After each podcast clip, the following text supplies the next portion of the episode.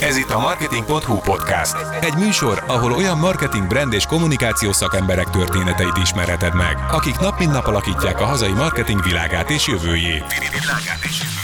Az adások során őszintén mesélnek szakmáról, karrierjük csúcspontjairól és huppanóikról, magánéletükről, a múlt tapasztalatairól, és persze a jövőt befolyásoló trendekről. Maradj velünk, és ismerd meg a legsikeresebb hazai kampányok és szakemberek mögötti valós történeteket. A műsort vezeti Sándorfi Adrián, a Brocasters alapítója. Sziasztok, kedves hallgatóink! Ez itt a Marketing.hu podcast, a Magyar Marketing Szövetség műsora, ahol a hazai marketing szakma legfontosabb szereplőit mutatjuk be nektek. Mai vendégem Megykó Tibor, az idén 40 éves készcsoport marketing és vállalati kommunikációs igazgatója.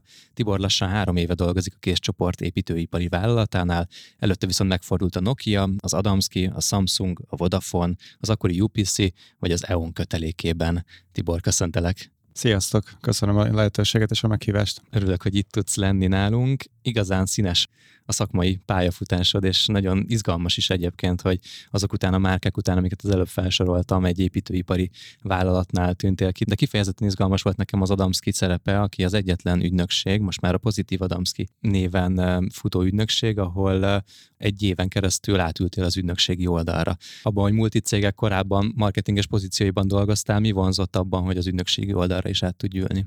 Hát először is tényleg elég színes ez a pálya most, hogy így felsoroltad nekem, és köszönöm szépen ezt a biót, mert én nem szoktam magamnak ezt ugye mondogatni, hogy hol dolgoztam eddig, de így végighallgatva tényleg mennyi minden történt velem. Miért kerültem én ügynökséghez?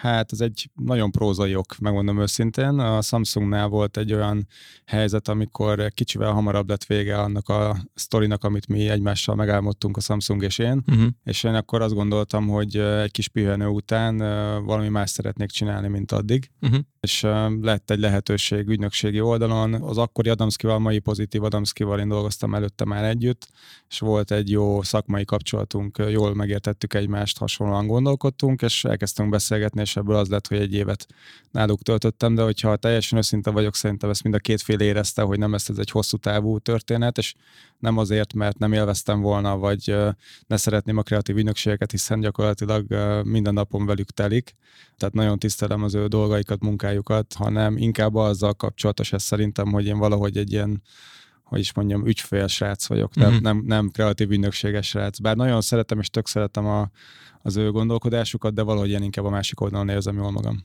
Mit csináltál az Adamskinál? Elsősorban a új ügyfelekért, business development és stratégiáért feleltem, tehát a leg, legfontosabb dolgom az az volt, hogy nézzük meg, hogy hol vannak olyan kiaknázatlan területek, ahol még az akkori Adamski nem focizik, és próbáljunk meg ezekre a piacokra betörni, és nyilván az elég széleskörű ügyfeloldali tapasztalataimból adódóan kicsit jobban bele tudok abban érezni, hogy akár egy tender folyamatnál, vagy akár egy stratégiai anyag összeállításánál mire vágyik az ügyfél, és ezt jól tudtam ott kamatoztatni, mert el tudtam mondani első kézből, hogy valószínűleg ők mire gondolnak, vagy mire vágynak. Pedig ez így egy nagyon jó kombinációnak tűnik, tehát kicsit gondolom az elején, amikor az első beszélgetések voltak, pont ez egy ilyen olyan szupererőnek tűnt a te esetedben, amit, amit ők nagyon jól tudnak alkalmazni, és mégis azt mondod, hogy már talán mind a két fél érezte, hogy azért ez nem lesz feltétlenül egy hosszú kaland. Igen, mert uh, ugye előzetesen, ahogy említettem, dolgoztunk már együtt, tehát ismertük egymást, és uh, én mai napig a bármilyen kapcsolatot létesítek, legyen az a magánéletben egy baráti kapcsolat, vagy akár egy munkai kapcsolat, akkor abba hiszek, hogy tök transzparensen beszéljünk már a legelső pillanattól, mert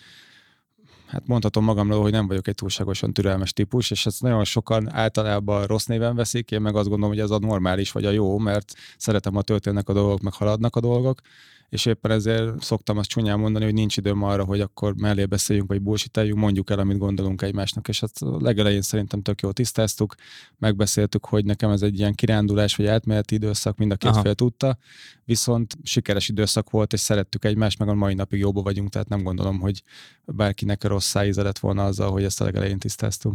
Örülök, hogy mondtad, hogy a, hogyan tekintesz a transzparens beszédre, és hogy nem szereted a bullshitelést, úgyhogy remélem, hogy ezt a beszélgetést is ebben a szellemben tudjuk építeni. Igyekezni fogok. Én nagyon kíváncsi vagyok arra, hogy mik azok a tapasztalatok, mi az a tudásbeli alap, akár nézőpontbeli különbözőségek, amiket ezektől a multicégektől, lásd Nokia, Samsung, Vodafone el tudtál tanulni, amit viszont a Case Holdingnál tudsz kamatoztatni.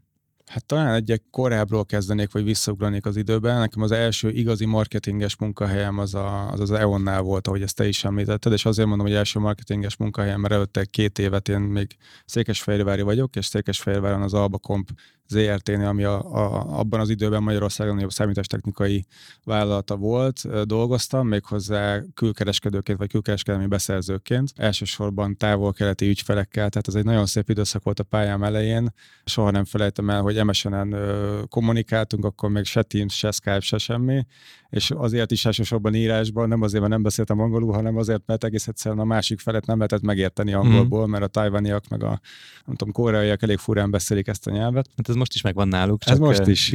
Megy, és ugyanúgy csetelés formájában. Így van, így van úgyhogy így kötöttek annó az üzletek, és az első igazi marketinges munkahelyem, ahogy említettem, az az EON-nál volt, az már itt Budapesten, nagyon vicces egyébként, mert tavaly, amikor a Marketing summit először az a megtiszteltetésért, hogy bekerültem a legsikeresebb top 50 marketing döntéshozók közé, akkor az akkori főnököm, aki engem az EON-ba annó felvett, ő Jákó Eszter, aki uh-huh. ma az MVM-nek Igen. a kommunikációs igazgatója. Volt itt nálunk. Igen, tudom. Vele akkor ezen nevettünk is, hogy gondoltál volna, hogy az a srác, aki oda beült vele szembe, egyébként ilyen Bundesliga hajam volt, meg két főbevaló a fülembe, és hát nem úgy néztem ki most, hogy egyáltalán miért vett fel azt, mai napig nem tudom, mert életem legrosszabb interjúja volt szerintem, de hogy felvett, és látott bennem valamit, és hogy gondoltál volna, hogy akkor majd mi még itt találkozunk ilyen körökben is. Szóval visszatérve, az első igazi munkahelyem, az a, vagy marketinges munkahelyem az az EON volt, és én a mai napig azt vallom, hogy minden, amit a szakmáról tudok, vagy annak legalább a 80%-a az nekem onnan van. Uh-huh. Valószínűleg azért, mert ez volt az igazi első tanulópályám zöldfülüként, uh-huh. bár uh-huh. marketing szakon végeztem közgazdászként és PR szakon, kommunikáció szakon, bölcsészként, de az első igazi marketinges munkájám az EON volt, és minden, amit tudok, azt ott tanultam. Az EON egy nagyon érdekes időszakban volt akkor, mert a piaci, energiapiaci liberalizáció akkor ment végbe az országban, tehát gyakorlatilag földgázt, áramot bárhonnan vehettél, nem csak a saját regionális szolgáltatótól, és az addigi monopól helyzet az hirtelen megszűnt amiben az EON volt, és akkor rengeteg kihívás, rengeteg új gondolkodás, új szemlélet, ügyfélközpontúság, hát addig ez még nem volt divat, főleg ebben az iparágban, és mindent, amit így de amit, amit főleg üzleti marketing oldalról, vagy mondjuk a marketingnek a sales támogató részéről, vagy sales támogató funkciójáról tudok, annak az alapjait biztos, hogy onnan szereztem, de hogy az eredeti kérdésedre jól válaszoljak, vagy válaszoljak, amiben szerintem leginkább különbözik az az iparág, amiről majd szerintem fogjuk ezt érinteni a, a későbbiekben, hogy miben is különbözik, és erről majd fogok mesélni, de amiben leginkább különbözik a, a multicégektől, az az, hogy alapvetően a marketing tök más funkciót látott el három évvel ezelőtt, amikor én csatlakoztam a késcsoporthoz, mint ma, akkor egy inkább belső kommunikációra, minimálisan külső kommunikációra, és PR korlátozódott ez a funkció, rendezvényekre korlátozódott ez a funkció, és ha PR-ről beszélünk például kokáért, akkor ott is elsősorban, hogyha valamely projekt megvalósult, akkor arról hírt adtunk. Uh-huh az én marketing felfogásomnak, és mondjuk a, a multi tapasztalataimból hozott marketing felfogásomnak, ahol az ügyfél az első, ahol a sales támogatjuk, ahol nem tudom, csak és kizárólag előtt a marketing driven szervezetekben dolgoztam, onnan jöttem, ahol a marketing az agy, és mindent ő vizionál, és a stratégiának egy nagyon erős motorja. Beérkeztem egy olyan közegbe, ahol hát ez nem volt akkor elmondható, és akkor finoman fogalmazok, amivel nincsen semmi baj, hiszen ez, és az egyik motor egyébként, hogy én miért kerültem oda, vagy nekem motiváció, az pont ez volt, hogy tudok én egy csomó mindent, hát próbáljuk meg ezt átültetni egy olyan környezetbe, ahol ezt még nem tudják. De nem féltél attól, hogy elutasítóak lesznek ezekkel a szempontokkal? Talán nem is a vezetőségre gondolok, akik odahoztak téged, hanem a, hanem a szervezet maga. Hát hazudnék, ha azt mondanám, hogy ettől nem tartottam. Félni nem féltem, inkább azt éreztem és láttam, hogy ebben lesz erős kihívás. De a, a vezetőim és a mai vezetőm, aki a vezérigazgatónk, az első pillanattól kezdve azt éreztette velem már az első interjúnkon is, hogy elkötelezett abba az irányba, hogy ez a felfogás ez változzon, és ez bennem az első pillanattól megragadt, és én ebben lehetőséget láttam. És főképpen abban láttam lehetőséget, hogy olyan kiaknázatlan területeken alkossak valami újat, ahol eddig még vagy nem volt lehetőségem, vagy nem volt hogy mondjam, elég erőm ahhoz, hiszen globál, meg multi szervezetekben dolgozva mindannyian ismerjük azt, hogy mindig van valahol valaki, aki majd jobban tudja, mint te, és nagyon lassan mennek át dolgok, és nagyon korlátozottan, és nagyon feszített tempóban ugyan, de mégis lassú döntéshozással, és nem is tudsz mindent feltétlenül megvalósítani, amit szeretnél. Tehát nem tudod magadat beletenni abba, amit te csinálsz. És engem pont az vonzott, hogy hát figyelj, itt egy olyan helyzetbe kerülök, amit még más nem csinált, vagy csinált már más természetesen, és nem levonva, a, vagy nem elvéve az addigi érdemeket, mert azok bőven voltak már a marketing fronton, de hogy nem azzal a látásmóddal, meg nem azzal a széles kellel, mint ahogy erről én gondolkodtam, és előbb láttam egy lehetőséget, és nekem ez tök motiváló volt azt látom ebben, hogy, a, hogy az alkotás fontossága jelent meg benned, hogy végre szabadon tudjál alkotni, úgyhogy van mögötted mozgástér, vagy van előtted mozgástér, és van mögötted támogatás, hogy végeredményben tényleg alkotni tudjál. Kicsit szerintem még mielőtt tovább megyünk, tegyük tisztába, hogy mit csinál a kész csoport, Magyarországon vagy külföldön is. Talán ezt jobban el tudod mondani, mint én. Igyekszem. Akkor kérlek, nekem is, meg a hallgatóknak is magyarázd, és akkor utána viszont szerintem jobban fogjuk érteni azt, hogy okay. te hol vagy és miért vagy ott. Hát én most, ahogy már a legelején a felkomfortban említetted, majdnem három éve dolgozom itt, de kis túlzással viccesen szoktam mondani, hogy a mai napig még kihívásokkal küzdök, hogy minden egyes szakterületünket vagy vagy bizniszünket el tudja mondani, hogy mit csinálunk, mert ugye a késcsoport az egy építőipari fókuszú nagyvállalat, de nem kizárólag építőiparral foglalkozunk, vagy nem csak az építőiparban vagyunk érdekeltek. Legnagyobb csapás irányunk az továbbra is az építőipar, az is volt és az is lesz jó eséllyel, viszont nagyon erősen megyünk egy digitalizációs technológiai irányba is, adatvezérelt megoldásokat alkalmazunk az építőiparon belül is, nyilván kicsit a fenntarthatóság irányába is elmozdulván, de elsősorban maradtunk az építőipari fókusznál. Itt ugye generál kivitelezést töltünk ez alatt, tehát mi nem építünk lakóépületeket, bár azokat is generál kivitelezik, de mi nem építünk lakóépületeket, az elmúlt időszakban már ez sem igaz egyébként, és már is ki kell magamat javítsam, mert két nagyon nagy lakópart beruházást most csinálunk éppen Budapesten. Uh-huh de nem ez jellemző. Elsősorban állami beruházásokban, alvállalkozói szinten vagyunk érdekeltek, és még inkább a nagyobb fókuszunk az a magánberuházások, és az alatt ipari csarnokok, gyárépületek, irodaházak, uh-huh. és a többi, és a többi. Tehát hatalmas giga monstrumok, nagy épületek, ahol utána rengeteg ember vagy élvezi azt, amit mi csináltunk, mert stadionokban is egyébként érdekeltek voltunk, uh-huh. és majd tudok egy-két példát is mondani akár, most is van egy nagyon aktuális példa a stadion építésre, és egyébként vagy rengeteg ember használja őket napi munkavégzésre, élményük van, értéket teremtenek ezekben az épületekben. Úgyhogy ez az első irányunk, uh-huh. mint építőipar. A második, amivel foglalkozunk, vagy a, emellett, amivel foglalkozunk, minden építőiparhoz kapcsolódó szakág, vagy szak munka, ez alatt értek villamosipari megoldásokat, ipari technológiákat, betongyártást, 3D nyomtatunk most éppen betont, betonelemeket, tehát ilyen tök menő dolgok is wow. történnek nálunk. És emellett, hogyha tovább megyünk, nem csak építőipar és a kapcsolt szolgáltatások, ja, tervezőirodánk is van, bocsánat, az mm. egyik legnagyobb Magyarországon, hanem teljesen ilyen, hogy is mondjam, testidegen dolgok is, ami az építőipar az nem köthető. Lásd, vendéglátás, szálloda, ipar, szállodáink vannak, éttermeink vannak.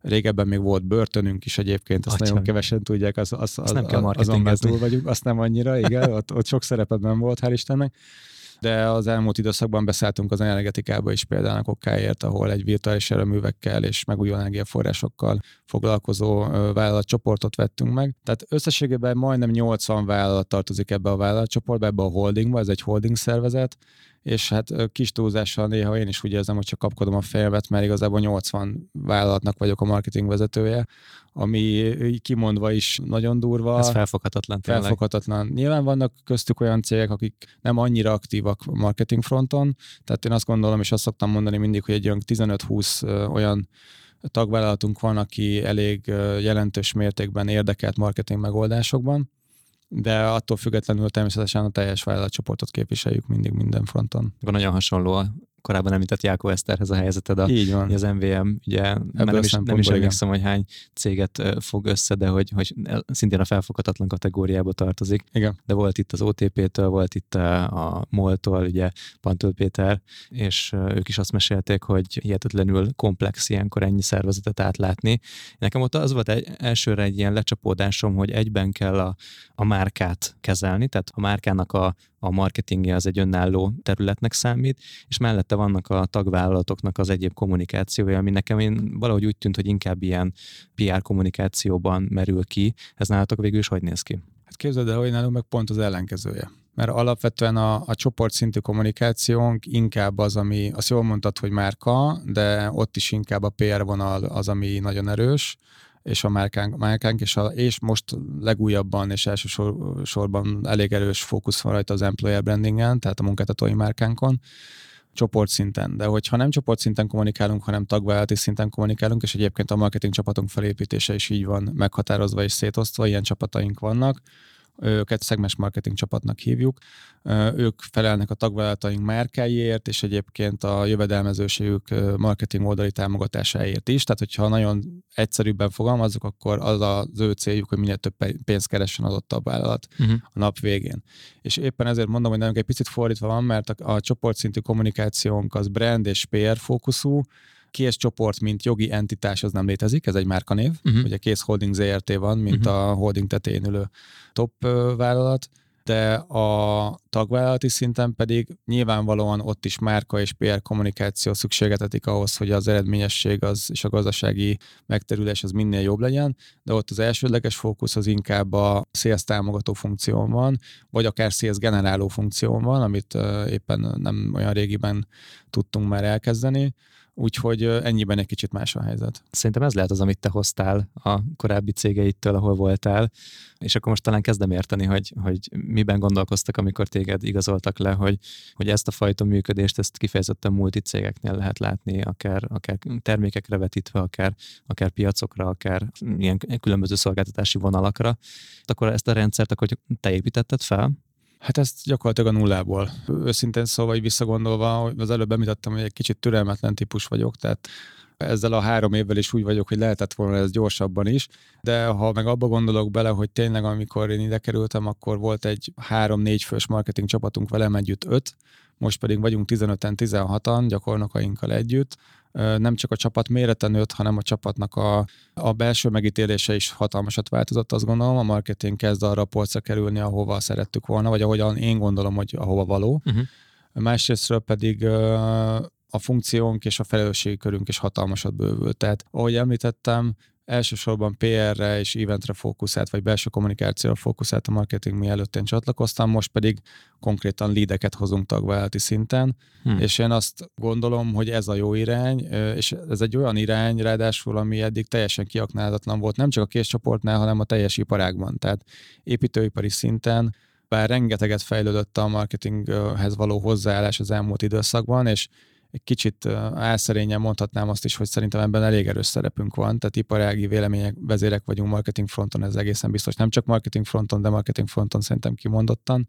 És látom azt, hogy a, a versenytársaink is egyre inkább jönnek velünk ebben a gondolkodásban, ezen az irányvonalon. Talán még szegmens marketing oldalon nem, de kommunikációs oldalon mindenképpen csatlakoznak hozzánk, és nekem ez tök jó látni. Mm. Tehát, hogy mondhatnám azt, hogy ez milyen rossz, hogy más is fejlődik a versenytársaink közül, de én ellenkezőleg látom, én azt gondolom, hogy minél jobban és erősebb lesz a verseny marketing fronton is, az, az nem csak a nekünk, de az iparágnak is jót tesz. Persze. Szerinted most anélkül, hogy olyan titkokat árulnál el, amik, amikre az a iparági konkurensek is nagyon odafigyelnek, de mi az, ami, ami igazán hatásossá tudja tenni az építőipari marketinget? Miben más ez, hogyan csináljátok jobban, vagy hogy, hogyan lehet ezt másképp csinálni, mint, mint amik a többiek?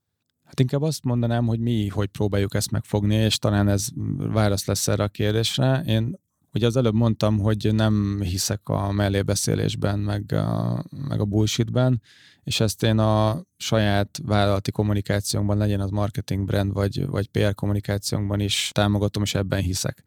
És ezt pontosan ez alatt mit értek? Tehát nem mondjunk olyat, amilyenek nem vagyunk, és azt viszont mondjuk ki, amilyenek vagyunk. Mm. És ezt vállaljuk mindig minden fonton transzparensen, Éppen ezért olyan néha provokáló vagy provokációnak ható megoldásaink is vannak, vagy testidegen megoldásaink vannak, amik szerintem a, nem csak az iparágban, hanem úgy általánosságban marketing fronton sem minden esetben megszokottak, de az iparágban biztosan nem. És amiben szerintem többek vagy jobbak tudunk lenni, vagy akár a versenytársaink előtt tudunk járni, az, az talán ez. Azt még elmondanám, hogy maga az építőipari marketing azért is egy duplán nehezített terep, mert egyrészt nem volt túl fejlett pár évvel ezelőtt még marketing szempontból, Másrésztről pedig azért azt, az azt szerintem nem mondok újat, és vannak olyan jellegű előadásaim, amikor előadásokat tartok. Éppen múlt héten voltam Kecskeméten az egyetemen, Neumann János Egyetemen, ahol az volt az első kérdésem a diákokhoz, hogy van-e valaki, aki rajtam kívül még építőiparban érdekelt, akár családi szinten, vagy valahol, és akkor feltették a kezüket ketten, hogy uh-huh. vannak ott ilyen jellegű érdekeltségek. Mondom, az elég kevés benchmark, hát akkor ki az, aki mondjuk, nem tudom, a család felújította a fürdőt, uh-huh. vagy nem tudom, csempét vettünk a múlt héten, vagy bármilyen szempontból az építőiparra találkozott, ott már azért többen tették fel a kezüket, és akkor mindig megkérdezem, hogy oké, okay, és akkor kinek van pozitív véleménye az építőiparról ezek után. És egyébként meglepő módon egyre jobb lesz az az arány, aki azt mondja, hogy igen, Aha. de azért nem ez a, a, a, a bevett, és nem ez, a, nem ez az átlagos, vagy a, a norma, hogy így fogalmazok, sajnos jelen pillanatban. Tehát rengeteg olyan kutatásunk van, ami vizsgálja azt, hogy az építőiparról mit gondolnak az emberek, és hát szerintem azzal nem mondok újat, hogy azért a negatív sztereotípiák, meg az előítélet, az benne van az emberekben Magyarországon, még annak ellenére is, hogy egyébként az iparákban több mint négy, vagy majdnem 400 ezer ember dolgozik Magyarországon, ami szerintem nagyon durva. Tehát ha belegondolsz, minden kb. tizedik háztartás az vagy közvetlenül, vagy közvetlenül érintett az építőiparban. De ettől függetlenül vannak olyan negatív sztereotípiák amellett, ami, ami hozzáragadt az építőiparhoz. Mondjuk ki a fekete foglalkoztatás, akár a, a, a korrupció gyanúja, és nem tudom. Hát általában minőségi kérdések minőségi, is. Abszolút, nagyon minőségi kérdések. Csúszások időben munka, megdrágul valami. Teljesen így van. Mondjuk a megdrágulás az nem feltétlenül mindig építőipari probléma, az inkább egy ilyen geopolitikai vagy gazdasági helyzet okozta probléma.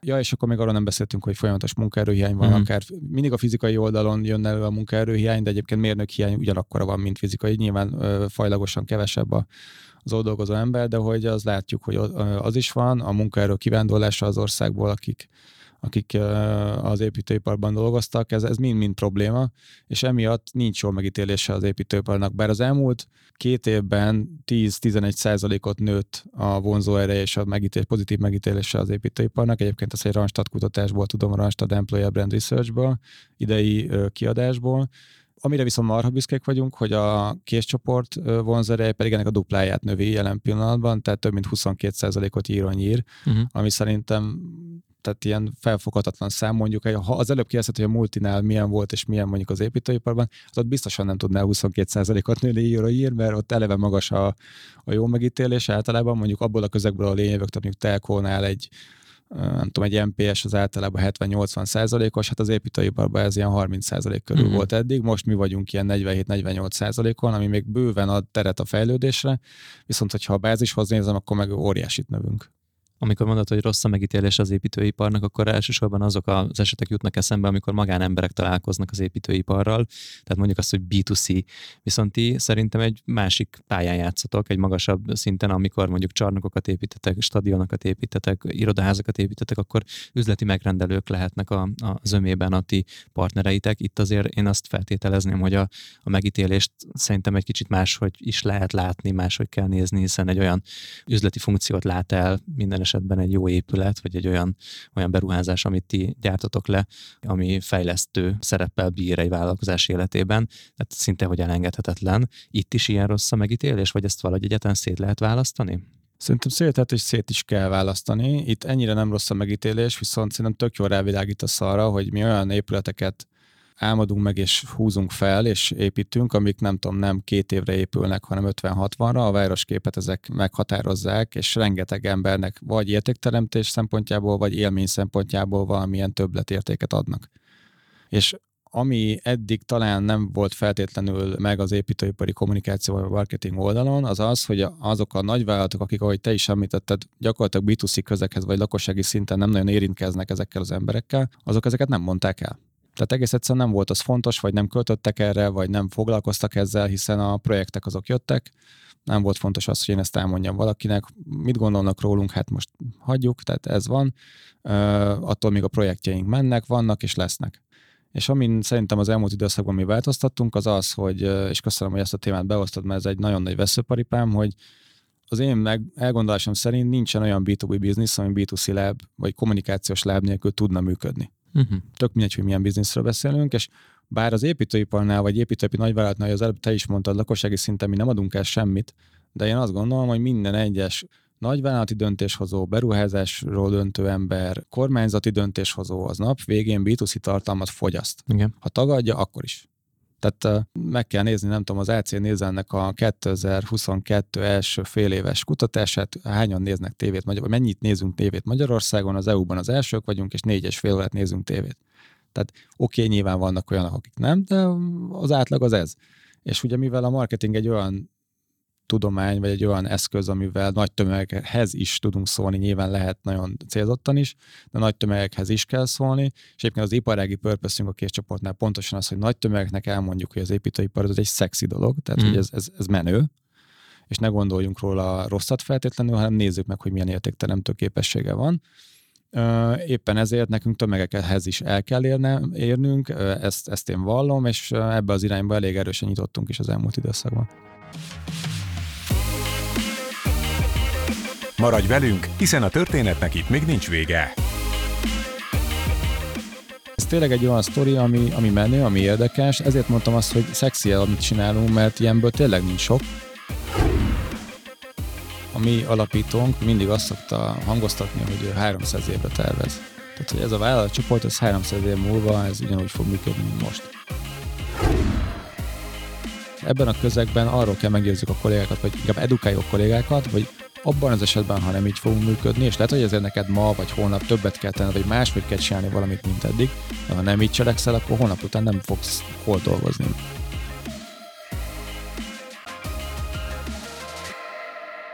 Amikor tömegekhez beszélsz, akkor milyen cél van mögötted, milyen mérhető cél van mögötted? Értem azt, hogy a márka üzenetet átadni, hogy szexi az építőipar, ennek is érdekel, hogy milyen tényleges üzenetei vannak, de egyébként ettől mit remélsz, vagy mit vársz, és mi az, amit ebből meg tudsz mérni? Hát, hogyha nagyon konkrét kpi kell mondani, akkor nyilván van az unalmas KPI, hogy akkor növeljük a márka ismertséget Magyarországon, vagy akár külföldön. Növeljük a márka vonzerét. Ez már egy kicsit szerintem izgalmasabb, mert magával a márka ismertséggel, ugye most hazabeszélek, marketinges vagyok, de sok mindent nem fogunk tudni kezdeni. Pláne akkor, hogyha egy olyan körben növeld a márka ismertséget, ami nem feltétlenül vesz tőled, ugye szolgáltatásokat vagy termékeket de hogyha egy olyan körben növeld a márka ismertségét, de pláne a vonzerejét, ahol potenciális munkavállalóid lehetnek, és ugye az előbb említettem, hogy nem csak fizikai oldalon, de szellemi munkavállalóknál, tehát konkrétan mérnök társadalomban hatalmas a munkerőhiány, akkor nekünk arra figyelnünk kell, hogy ezeket a lukakat betömködjük, hogy csúnyán fogalmazzak, hogy szépen fogalmazzak, meggyőzzük arról a, a, akár mostani egyetemistákat, vagy a jövendőbeli munkavállalóinkat, hogy mi vagyunk a legjobbak ezen a piacon, gyere hozzánk és dolgozunk együtt. Hogy ez nekünk miért fontos, szerintem azt nagyon nem kell ecsetelnem, de hogyha egy mondatba összefoglalom, hogyha nem lesz kivel dolgozzunk, akkor nem fogunk tudni pénzt keresni és ha, ha munkaerőhiány van, akkor nem fogunk tudni elválni a munkákat, amikre egyébként képesek vagyunk, és még sorolhatnám. Tehát szerintem ez egy nagyon fontos dolog, hogy nem akarok ilyen employer branding órát tartani, mert szerintem ezt mindenki, aki minket hallgat, pontosan tudja, hogy miről van szó. Szerintem ebben nagyon léptünk előre, és kell is, hogy előre lépjünk, és hogyha az előbb utaltam a, a Randstadnak az Employer Brand research akkor ha egy, is a KPI-t kérdezted, akkor egy nagyon fontos KPI-unk az, az pontosan az, hogy az iparági megítélésünk és az iparágban betöltött szerepünk munkáltatói szempontból ott e- egyetemen top egyek legyünk. Ez három évvel ezelőtt a kilencedik helyen voltunk az iparágban, a versenytársaink mögött kullogva. Jelen pillanatban pedig a második helyen vagyunk, tehát az előbb említettem, hogy 22%-ot nőtt a vonzerőnk. Hogyha konkrétan fiatalokat nézzünk, akkor 18-24-es korosztályban 100%-ot nőtt a márkaismertségünk, és ugyanúgy 100%-ot nőtt a vonzerőnk ami én azt gondolom, hogy egy ilyen, nem tudom, még hátborzongató kimondani, hogy ekkorát lehet nőni, és itt megint visszautalnék arra, hogy nyilván más iparágakban sokkal kisebb arányban tudsz nőni, itt meg ilyen hatalmas számok vannak, nyilván ezt a helyén kell kezelni, mert alacsony volt a bázis, de az látszik, hogy teszünk ezért, és kell is tegyünk ezért, és ez egy KPI. Meg hogy működik az, amit csinálsz. Igen. Mert hogy vissza, vissza tudod mérni ezt a részét. Tehát akkor a B2C oldalról, vagy amit mondjuk úgy, hogy tömegeknek szóló marketingot kifejezetten az ilyen uh, employer brandinggel kapcsolatos, márka vonzósággal, márka ismertséggel kapcsolatos, későbbi um, ilyen uh, munkaerő utánpótlást célzó szempontok vannak? Hát tekintve, hogy, hogy az előbb is említettem, nem nagyon van olyan termék vagy szolgáltatás, amiben a lakosság érdekelt lenne, hogy tőlünk vegye, ezért jelen pillanatban igen. Egyébként nem akarok kulisszatitkokat elárulni, de elindultunk abba az irányba, hogy nem csak szolgáltatás szempontjából leszünk a piacon, hanem nagyon úgy fest, és e, ebben megyünk minden irányja, vagy idegszálunk, hogy termékértékesítés is elindul nem sokára, konkrétan ipari és esztetikai homozatok terén ami már egyébként bár egy nis réteget, de egy réteget a lakosságban is meg tud már szólítani. Tehát nyilván erre is készülünk ezzel, de elsősorban a B2C kommunikációval jelen pillanatban az employer branding a fő fókuszunk, meg hát azt én még mindig szoktam hangoztatni, és az egyik döntő motivációs erő, amikor én idejöttem, akkor az pont az volt, hogy elkezdtem beszélgetni itt vezetőkkel, meg az interjúk során nyilván ismerkedtem a céggel, meg előtte felkészültem, mert hát ugye nyilván úgy menjünk interjúzni, hogy azért tudjuk, hogy hol megyünk, és azt vettem észre, hogy bár a cégről hallottam már, meg a, nem tudom, a logót láttam már valahol, de hogy így nem volt meg, hogy ez most pontosan mi.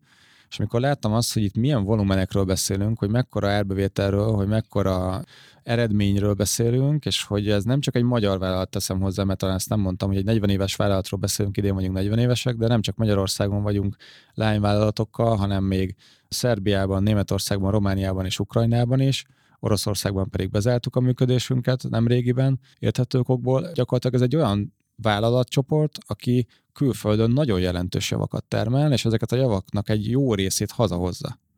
És hogyha ebbe belegondolunk, ez szerintem márka szempontból marha erős, na- nagyon kevés ilyet tudnék felsorolni Magyarországon, aki, aki, aki ebben érdekelt, vagy hasonlóan ö, nagy volumenben játszik, és nekem ez egy tök vonzó erő volt akkor ha áttérünk a B2B oldalra, vagy az üzleti szektorra, ahonnan a megrendeléseiteknek az öme érkezik, ott mennyiben számít szerinted ez a márka ismertség? Mennyiben ez az, ami meghatározza azt, hogy egy nagyobb tendert, egy nagyobb beszerzési folyamatot ti nyertek-e meg?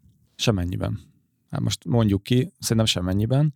Megfordítom, viszont hogyha nem ismert a vállalat, a, és nincsen egy stabil lábakon, mind gazdaságilag, mind uh, tudásban, mind kapacitásban. Ugye nagyon fontos nálunk a kapacitás, mm. hogy uh, ne csak elvállaljunk valamit, hanem utána ezt meg tudjuk építeni, azért az elég fontos. Persze. Pláne, hogy időben, és még jobb, hogyha annyiért, mint amennyire elvállaltok, ugye? Tehát ez megint egy fontos tényező. Tehát, hogyha nincsen mögötte egy stabil márka, akkor még Magyarországon csak-csak, hiszen itt azért már ismert a vállalatcsoport, és talán mondhatom azt, hogy nagy beruházási szinten megkerülhetetlen, mert vannak olyan szakterületek, ami, amikben tényleg nagyon jók vagyunk, és mi vagyunk a legjobbak az országban, lásd mondjuk acélszerkezet szerelés vagy gyártás. A legnagyobb acélgyárunk van egyébként Közép-Kelet-Európában, Kecskeméten. Tehát fontos, hogy legyen egy erős márkád, de nem az fog dönteni Magyarországon. Külföldön, amelyen irányban nemzetközi szinten most elég erősen kacsingatunk, viszont gyakorlatilag új szereplő lépőként lépünk be bármelyik piacra. Ott viszont most nagyon erős fókuszunk van azon, hogy márkán, de elsősorban tagvállalati márkáinkat építsük, uh-huh. hiszen hogyha meg nem ismernek, akkor meg deplálnak külföldön, ugye egy magyar vállalatként szóba se állnak veled Németországba, hogyha nem, nincsen német entitásod, nem tudsz felmutatni jó referenciákat. A legfontosabbak egyébként az építőiparban a referenciák. Hogy tudsz referenciát egy új piacra lépésnél prezentálni? Gyakorlatilag csak, még, még csak a, az anya piacoknak a referenciájával érkezel meg, igaz? Ez így van. Aha. Ez így van. Tehát a, akkor viszont itt kifejezetten egy ilyen um, piacszerzési marketing van számotokra ebben a körben. Említetted azt, hogy az egyik ilyen fő fókusz a lead szerzés is, tehát hogy most már gyakorlatilag itt tartunk.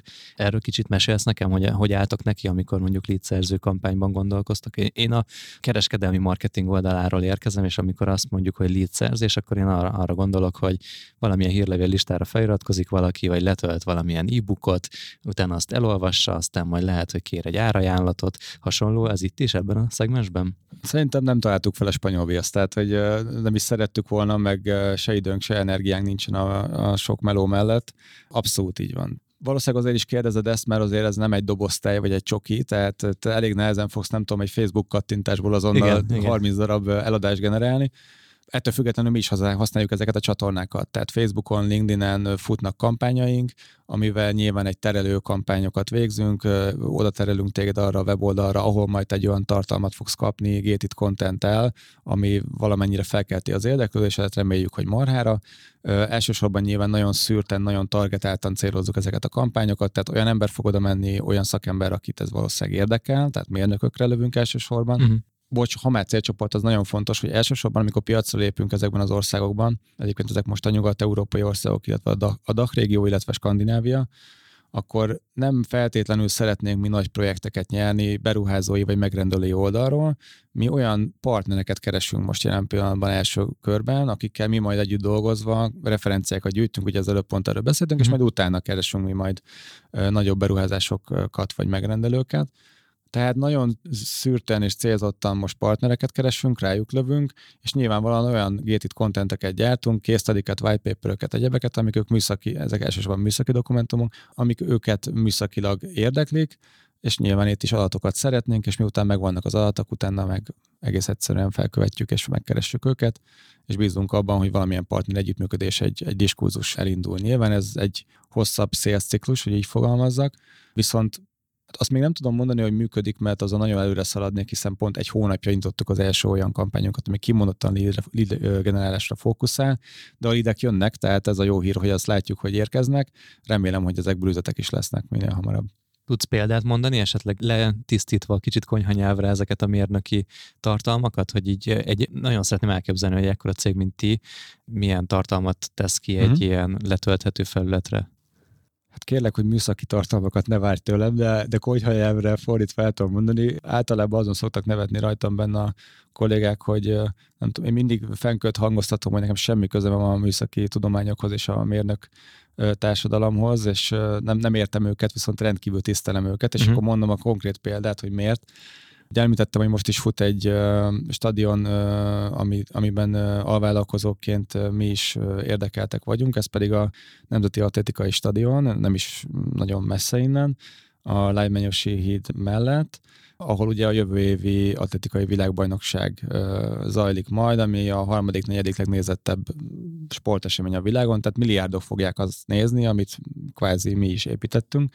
Itt elsősorban az acél szerkezetért a stadionnak, illetve a tető szerkezetért felelünk mi. Tehát ha most elmész a Lejmios hídon, kinézel a stadionra, amit ott látsz, az még 90%-ban a készcsoportnak a, a munkája és hogy mi ez a konkrét white paper vagy case study, amit mi gated contentként előállítunk, és a mérnököknek kínálunk, hogy vegyék fel velünk a kapcsolatot, hogy felkeltsük az érdeklődésüket, ez egy olyan megoldás, és megpróbálom most én is szépen meg el, elmagyarázni, mert nekem is úgy magyarázták el, hogy maga az a stadion tetőszerkezet, amit itt építettünk, ilyenből a világon összesen évente egy-két megoldás készül ezzel a megoldással, ez egy feszített tetőszerkezet, ne kérdezz légy szívesre, hogy ez pontosan mivel én sem tudom elmondani, de a lényeg az, hogy ebből a megoldásból nagyon kevés készül a világon, ez egy kuriózum, mérnöki kuriózum, hatalmas nemzetközi konzorcium van mögötte, tervezők, kivitelezők, stb stb. Tehát ez tényleg egy olyan sztori, ami, ami menő, ami érdekes, ezért mondtam azt, hogy szexi, amit csinálunk, mert ilyenből tényleg nincs sok.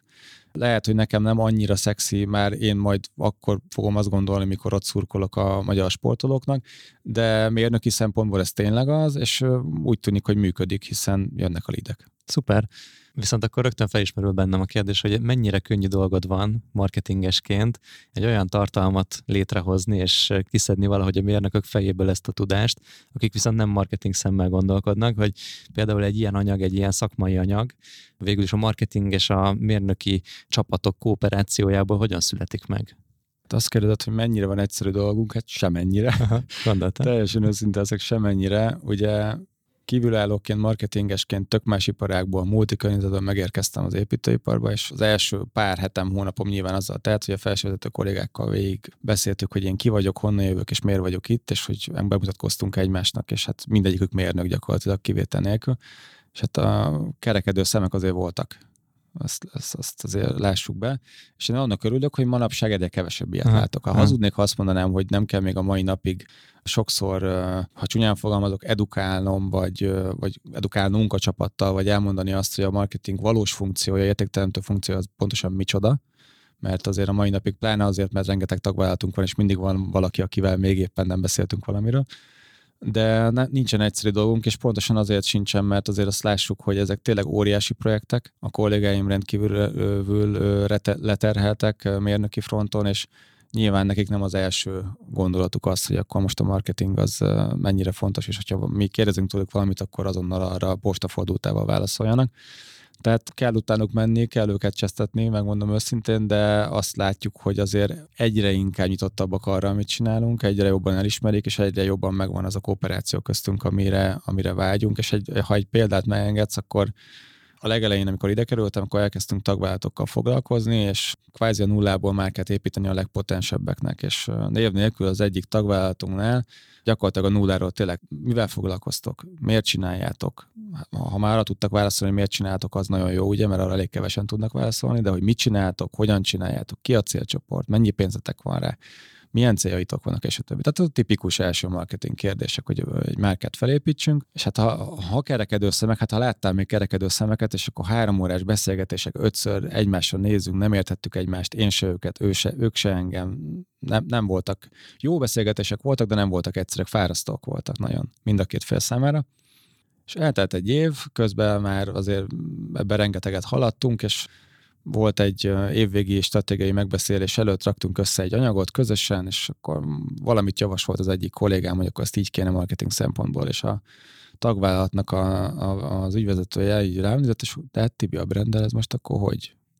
És konkrétan kiráz a hidegettől a mai napig, mert ez az egyik legnagyobb szakmai sikerem szerintem, amit az elmúlt 20 évben tudtam érni, hogy egy teljesen más fejjel gondolkodó a marketingről semmit nem tudó, vagy nem edukált ember mm. egy évvel később konkrétan egy jó visszakérdezést tett olyan szemszögből, amit előtte sose gondoltam volna. Szerintem itt arról is lehet szó, hogy, hogy nagyon amiket elmondta három év alatt, az nagyon sok látványos eredményes. Végén azért szerintem letisztul az, hogy ti hozzátok majd az új megrendeléseket idővel, és ti segítitek azt, hogy egy, egy új piacra is be tudjon lépni valaki, ez végeredményben meg az egész társaságnak a célját szolgálja. Szóval egy hajóban neveztek. Ez így van. Kicsit kinyitnám így a, a beszélgetésünket így a, a trendek irányába, meg így a piaci környezet irányába, és annyi minden történik most a világban, hogy nehéz lenne felsorolni, de ezek közül jó sok minden érinti a, az építőipar sorsát, logisztikai kérdések, infláció, munkaerőhiány, alapanyaghiány, egy csomó olyan dolog van, amit így ilyen buzzwordként használunk most már sokszor, de titeket ez nap, napi szinten valószínűleg érint. Milyen most így az építőiparnak a, a helyzete, milyen az a, az a hangulat, ami titeket jellemez, és ebben milyen most így a marketingnek a szerepe és kilátásai? Hát figyelj, transzparencia nyilvánvalóan a, az építőipar egy olyan iparág, ami mondjuk a Covid időszak óta egy elég erős húzóágazata volt Magyarországon a gazdaságnak. Ugye a GDP 14%-át az építőipar adja jelen pillanatban Magyarországon, ami egy szerintem egy elég erős vagy döbbenetes szám.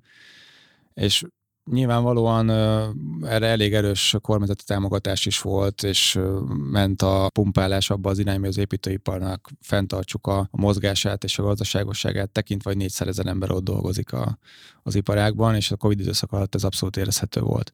Aztán most egy kicsit más szelek fújnak, nyilván elfolyamok elszálltak, infláció van, ahogy te is mondod, az alapanyagokkal szintén van probléma, ellátási láncok is akadoznak néha-néha, ezért egy olyan helyzetben van az építőipar, amikor mindenki kicsit óvatosabb, de én azt gondolom, hogy ez nem az építőiparnak egy ilyen, hogy mondjam, hogy mondjam, kitüntetett figyelem most, ahol egy kicsit óvatosabbak most a, a beruházók vagy a megrendelők, hanem ez igazából a teljes gazdaságra elmondható. És tekintve, hogy ez globálisan érezhető, nem csak Magyarországon, Európában vagy világszinten, mondják ugye nagyon, hogy recesszió felé menjünk, és nyilvánvalóan ezt mi is érezzük már. Hogy érezzük? Lassulnak a beruházási döntések, megállítódnak folyamatok, és kicsit elnapolódnak. Mi azt gondoljuk, hogy elnapolódnak, és bízunk ebbe. De azt viszont látjuk, hogy a, a, nem, a mi, nem a mi méretünkben focizó építőipari vállalatoknál azért elég erősen érezhető már ez, és a piaci hangulat kisebb vállalatoknál az valószínűleg nem túl jó, ezt mi is látjuk. Nálunk meg én azt gondolom, hogy inkább a stabilitásra való törekvés és az óvatosság az, ami, ami elsősorban előjön. Pánik hangulatot nem érzek. Szerinted ez azért van, mert olyan cégekkel dolgoztak együtt, akik sokkal tőkeerősebbek, hosszabb távra terveznek? Mindenképpen hosszabb távra terveznek, nagy beruházókról van szó, és azt is látjuk, hogy partnerek abban, ami most történik. Hogy mondjak egy egészen egyszerű példát mindenfajta üzleti titok nélkül, az árfolyamok elszálltak, ha valamit nem tudom, tavaly leszerződtél 10 forintra, akkor az most valószínűleg, és bocsánat, ugye egy, egy építőipari projekt az nem egy hónapig tart, hanem van, hogy két-három évig akár. És ha valamire leszerződött adott pillanatban, nem tudom, 10 forintra, akkor vagy 10 euróra, hogy így fogalmazzak, akkor utána az nem tudom, ma már valószínűleg nem is csak az árfolyam ingadozások miatt, hanem főleg az alapanyag drágulás miatt, az valószínűleg már 18 forintba kerül. És akkor ott van egy 8 forintos gap, az, ami, az, az, az amit valahogy el kéne tüntetni, hiszen az senkinek nem lesz jó, a beruházó nem fog 8 forintot többet fizetni, mi meg nem tudunk benyelni 8 forintot, mert hát akkor miből élünk, ugye.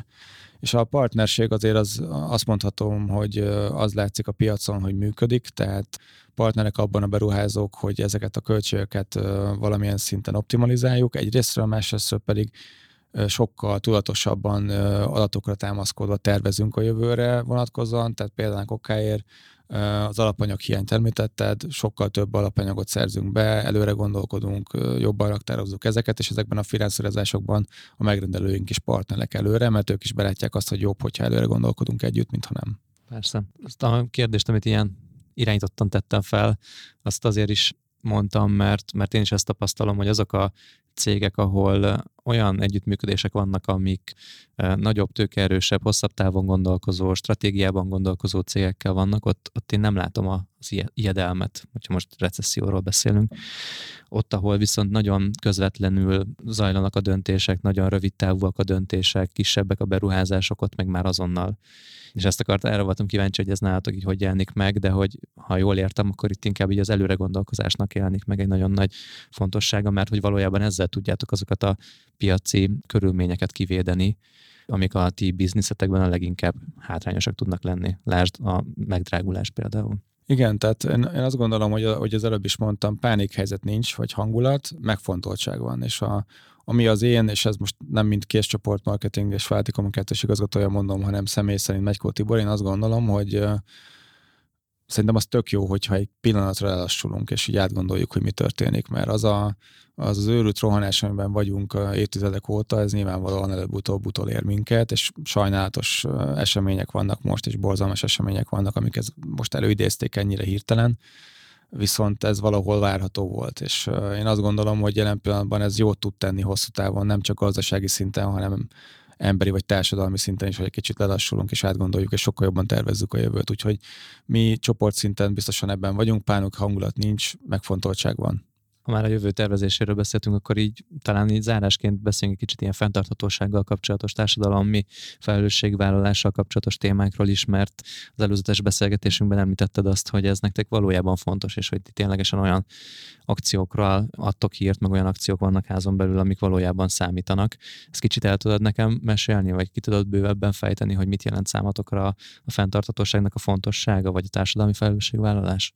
Hát én mindig azt szoktam mondani, hogy a, a mi alapítónk, aki 40 éve alapította a vállalatcsoportot, őt Varga Mihálynak hívják, és mindig azt szokta hangoztatni, hogy ő 300 évre tervez. Tehát, hogy ez a vállalatcsoport, ez 300 év múlva, ez ugyanúgy fog működni, mint most.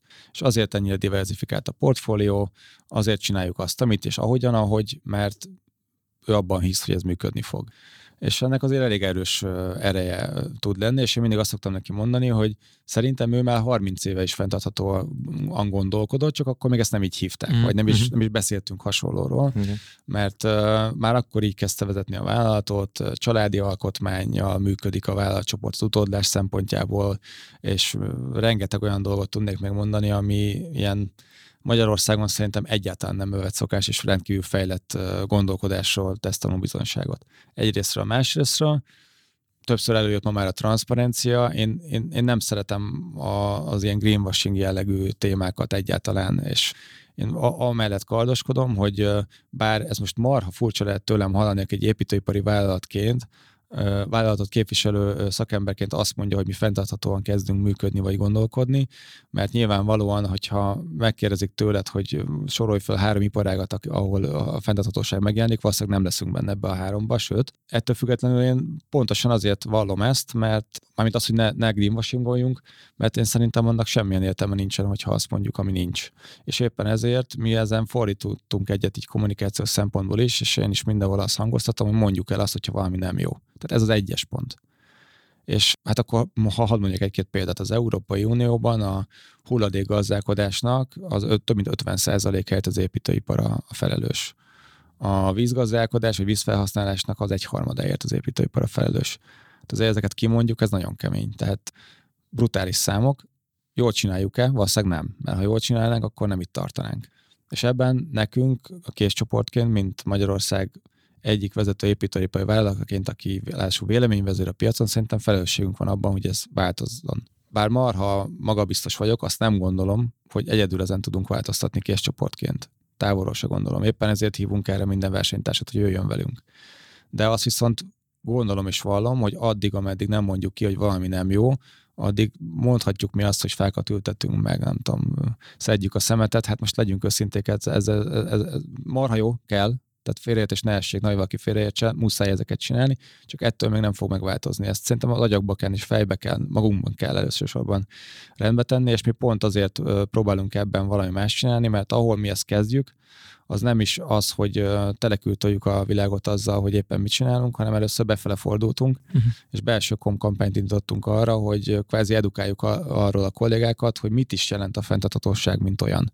Tehát az előbb említettem a szemétszedést, meg a faültetést, ugye ha valakit megkérdez, szerintem tudti, hogy 10-ből 8-an ezt említik először, pedig szerintem ez ennél sokkal-sokkal tágabb. Tehát az ESG, mint olyan, vagy az ESG működés és ESG gondolkodás, ez ennél jóval tágabb a társadalmi és vállalatirányítási szempontok behozatalával, és mi pontosan ezt próbáljuk elmondani most a saját kollégáinknak, hogy ne csak a zöld dolgokra gondolkodjanak, ami nagyon fontos és nagyon nagy fókusz kell, hogy rajta legyen, de ha gazdaságilag nézzük, vagy vállalatként nézzük a fenntartható működést, akkor nagyon fontos a másik két betű vagy attribútum is, mert hogyha nem így működünk, akkor egész egyszerűen nem fogunk tudni működni éveken belül. Tehát megint hadd mondjak egy példát, ugye 2025. januárjától a taxonómia rendelet miatt minden nagyvállalatnak, vagy egy nagyvállalatok egy bizonyos kritériumok fölött muszáj ESG jelentést készítsenek. Tehát, hogyha arról kell jelen pillanatban nem meggyőzzük, ez nem jó szó, mert hála jó Istennek olyan közegben dolgozom, ahol ez nyitott fülekre talál. Ebben a közegben arról kell meggyőzzük a kollégákat, vagy inkább edukáljuk a kollégákat, hogy abban az esetben, ha nem így fogunk működni, és lehet, hogy ezért neked ma vagy holnap többet kell tenned, vagy máshogy kell csinálni valamit, mint eddig, de ha nem így cselekszel, akkor holnap után nem fogsz hol dolgozni, mert egész egyszerűen nem fogunk tudni üzletet kapni, vagy beruházásokat elnyerni, abban az esetben, ha nem így működünk, és nem holnap, ez kétségtelen, de tíz év múlva biztos. És ha már a fenntartatósági témáról beszélünk, ez azért is nagyon aktuális most jelen pillanatban nálunk a késcsoportnál, mert éppen a napokban készült el a, egy külsős tanácsadó bevonásával az elmúlt időszakban rengeteget dolgoztunk ezen, és most készült el a fenntartatósági stratégiánk a következő nyolc évre vonatkozóan, amit konkrétan még a saját kollégáink sem feltétlenül ismernek, még vezetői szinten sem, mert annyira friss az anyag, úgyhogy azt tudom ígérni, hogy Ezt nagyon... nem nekünk fogod elmondani hát, akkor elsőnek. Mo- most, most még nem, elnézést, premier előtti vetítést nem tudok tartani, de nagyon-nagyon-nagyon hamarosan ez minden sajtófronton és minden egyéb csatornánkon konkrétan, konkrét vállalásokkal megtalálható lesz, hogy pontosan mit is teszünk mi ennek érdekében, hogy a vállalatcsoport az ne csak zöldebben, de fenntarthatóan is működjön. De akkor ezek szerint ez egy marketing szempont is most már? Tehát az, hogy te ebben részt vettél, vagy együtt vettetek részt vezetői szinten, az azt jelenti, hogy, hogy ennek valamilyen módon előmozdítója is vagy, vagy a marketing csapat? Hát jelen pillanatban már nem a marketing lídeli magát a fenntarthatósági témakört, viszont magát a belső kommunikációs és marketing támogatás az egyértelműen nyilván a mi feladatunk, viszont ahonnan indult a késcsoport fenntartható gondolkodása, én erre viszont nagyon-nagyon büszke vagyok, az viszont abszolút marketing driven vagy drive volt, story volt. Ezt, ezt, a, ezt az igényt, ezt mi fogalmaztuk meg, és én nagyon örülök annak, hogy ez nyitott fülekre talált tulajdonosi meg vezetői szinten is, és ma már egy komplet csapat foglalkozik ezzel, akik már nem mi vagyunk. Tehát akkor itt most arról beszélünk, hogy van egy trend a világban, hogy legyünk fenntartatóak környezeti és minden egyéb szempontból, és ezt érti egy marketinges csapat, és nem biztos, hogy érti egy, egy üzleti oldal, vagy egy, vagy egy szakmai oldal, viszont szépen lassan elkezdtetek találkozni azokkal a dolgokkal, hogy ki fogtok szorulni, vagy, vagy háttérbe fogtok tudni szorulni, hogyha nem így működtök, tehát közvetlenül az üzleti szerepvállalásban is hátrányos tud lenni, hogyha nem vagytok kellően fenntarthatóak.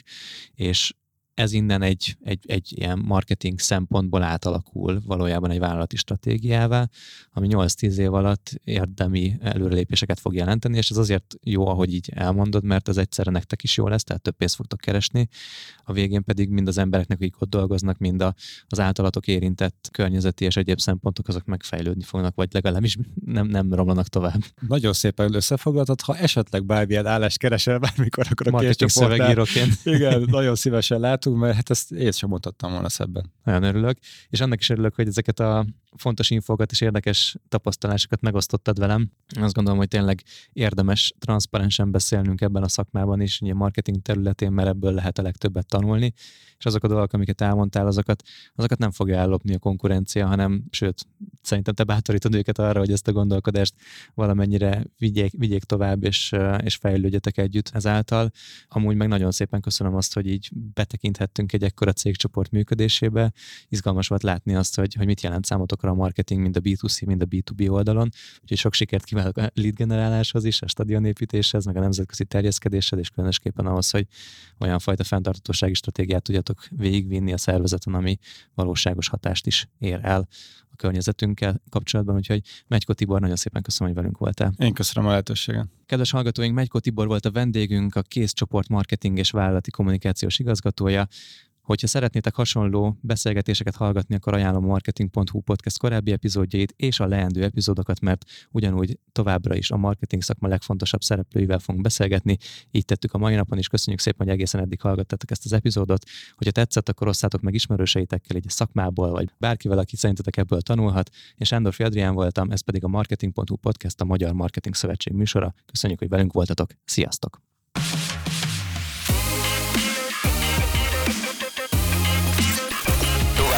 További marketing.hu podcast adásokért és más inspiratív tartalmakért látogass el a www.marketing.hu-ra, aminek linkjét a leírásban is megtalálod. Ne hagyd ki a feliratkozás gomb megnyomását sem. Hamarosan újabb adásokból tanulhatsz, és inspirálódhatsz a marketing világáról és annak főszereplőiről. Marketing.hu podcast. Brocasters.